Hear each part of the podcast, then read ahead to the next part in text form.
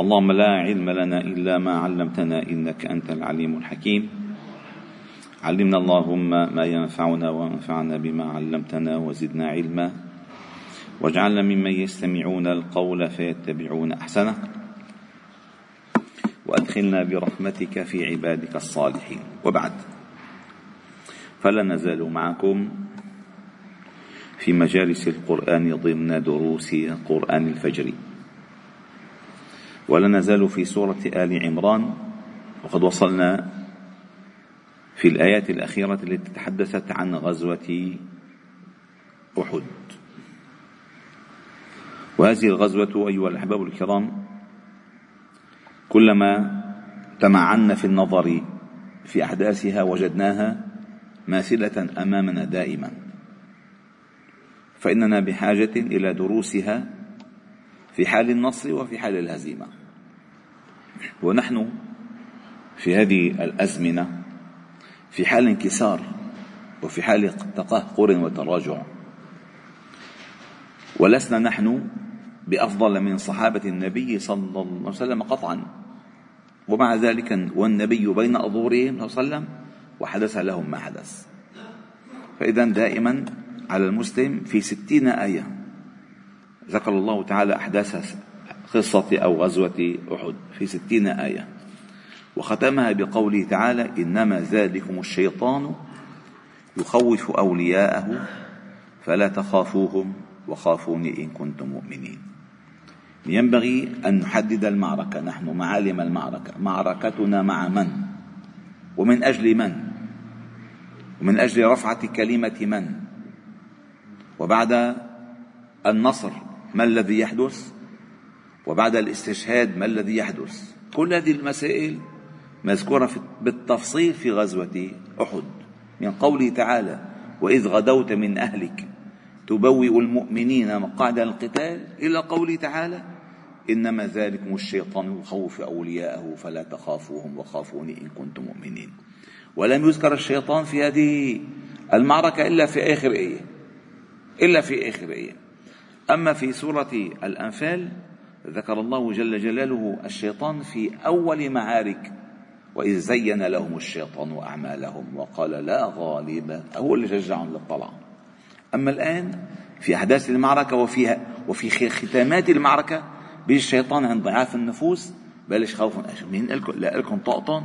قليلة شو صار فيكم؟ قليلة قليلة قليلة فيدخل الخوف والرعب في قلب المؤمن وتنزع من صدره هيبة وتنزع من صدره أو من صدر عدوه هيبته وتزرع في صدره خوفه من عدوه. هذا المشكلة هذا المشكلة الكبيرة لذلك بعد ما انتهينا من القضية أتت الآيات قوله تعالى ولا يحزنك الذين يسارعون في الكفر إنهم لن يضروا الله شيئا. يريد الله ألا يجعل لهم حظا في الآخرة ولهم عذاب عظيم. إن الذين اشتروا الكفر بالإيمان لن يضروا الله شيئا ولهم عذاب أليم. إذا هذه القضية ينبغي أن تكون واضحة. أن المؤمن بداية حظه الحقيقي في الآخرة. هدفه الأسمى في الآخرة. وما هذه الحياة إلا وسيلة للوصول إلى المرتبة العليا والأجر الكامل. فالله تعالى قال لنبيه صلى الله عليه وسلم وهو يعلم أن النبي يضيق صدره بما يقولون. ولقد نعلم أنك يضيق صدرك بما يقولون. وقال تعالى قد نعلم إنه ليحزنك الذي يقولون. يعلم الله جل جلاله ولكن كيف يثبته بهذه الآيات؟ ويثبتنا نحن كذلك. قال ولا يحزنك.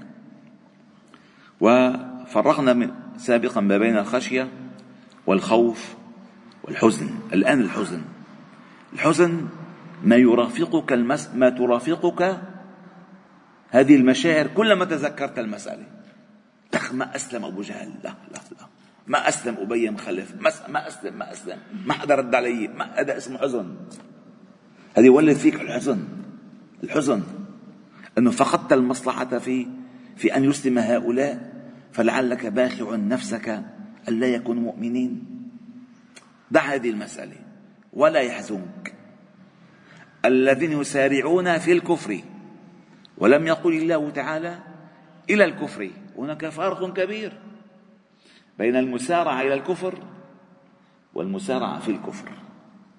المسارعة إلى الكفر إن أنت تريد أن تدعوهم إلى الإيمان فبيروحوا بيهربوا منك بيروحوا على الكفر. أو كانوا في معسكر الإيمان ففروا إلى الكفر. أما المسارعة في الكفر أي إنك كلما تدعوهم إلى الإسلام يزدادون حقدا عليك. يسارعون في الكفر أكثر. في الكفر أي هم في حوض الكفر ويسارعون في الكفر.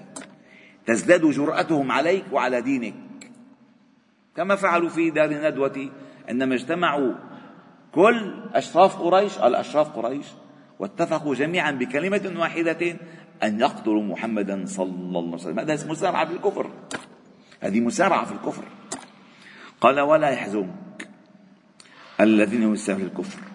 ما قال الله تعالى إنهم لن يضروك شيئا؟ أبدا. قال إنهم لن يضروا الله شيئا. مهما فعلوا. الحق أبلج. وإن الباطل كان زهوقا. مهما فعلوا. والله. مهما فعلوا. الحق أبلج. وما تجبرهم الآن في هذه الأرض إلا لغيظهم وحقدهم على الحق. أنهم مهما فعلوا الناس ما مقتنع فيهم لا يقتنعون بهؤلاء. يا أخي غاصبون مجرمون قتلة. أي إجرام؟ أي إجرام؟ أن تعتدي على مرضى وجرحى. في مستشفى ممنوع دوليا ما في دوليا عندهم ممنوع دوليا أن تمس. قال هن أنذروهم. يخلوا ونحن أنذرناكم تخلوا مستوطنات لما طلعتوا نحن كمان أنذرناكم لما طلعتوا من فلسطين؟ أنتم أنذرتمونا أنتم محتلون غاصبون لأرض المسلمين. أنذرتم فلم تخرجوا فدمكم حلال ومهاجمتكم شرف. أما المستشفيات أيام الجاهلية الأيام الجاهلية الجريح لا يترك. والطفل لا يقتل.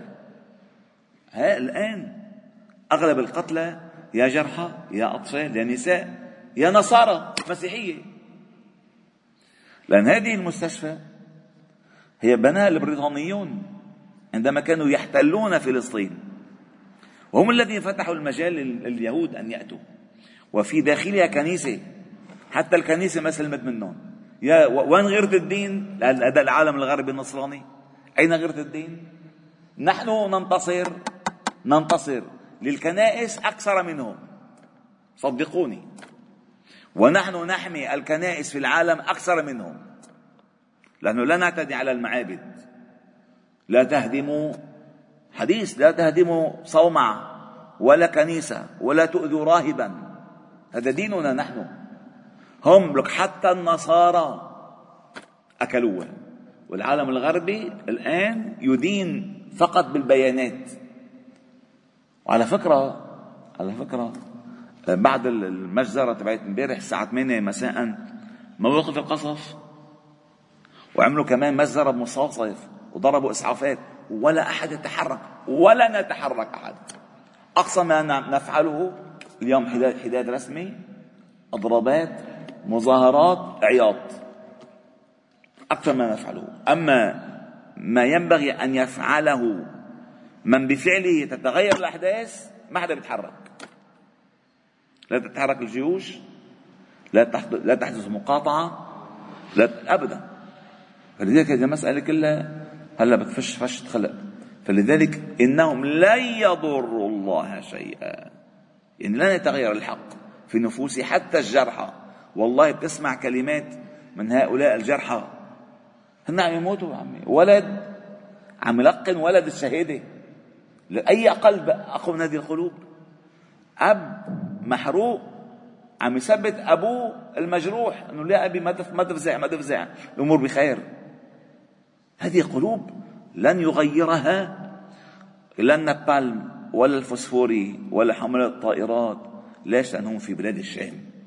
وبلاد الشام الإيمان يأرز ومحفوظ حين الفتن في بلاد الشام. فلن يستطيع أحد أن يغير شيئا. إنهم لا يضروا الله شيئا. يريد الله ألا يجعل لهم حظا في الآخرة. السؤال طيب أين انتقام الله تعالى من هؤلاء؟ لماذا لم نرى انتقام الله تعالى منهم؟ الله تعالى لا ينتقم لأنك أنت تريد. الله هو الذي يوقت. هو العليم الحكيم. هو العليم الحكيم. السؤال أين انتقام الله عز وجل من المستضعفين؟ في مكة. متى متى أتى؟ في فتح مكة. فتح مكة. يعني بعد اضطهاد مكة بعشرين سنة إنا فتحنا لك فتحا مبينا. أين انتصار الله جل جلاله لأصحاب الأخدود؟ خمسين ألف حرقوا في الأخاديد.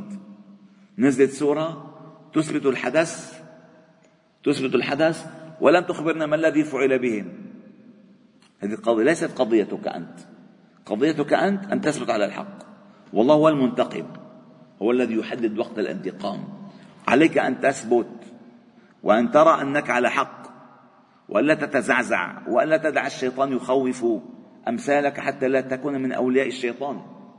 عليك أن تتوكل على الله عز وجل وتعتقد أن قضاء الله تعالى حق وعدل وهو مع كل ما تجدون وكل المآسي الله رحيم بعباده رؤوف بعباده. بتقول لي أطفال هذه يقظة للأمة.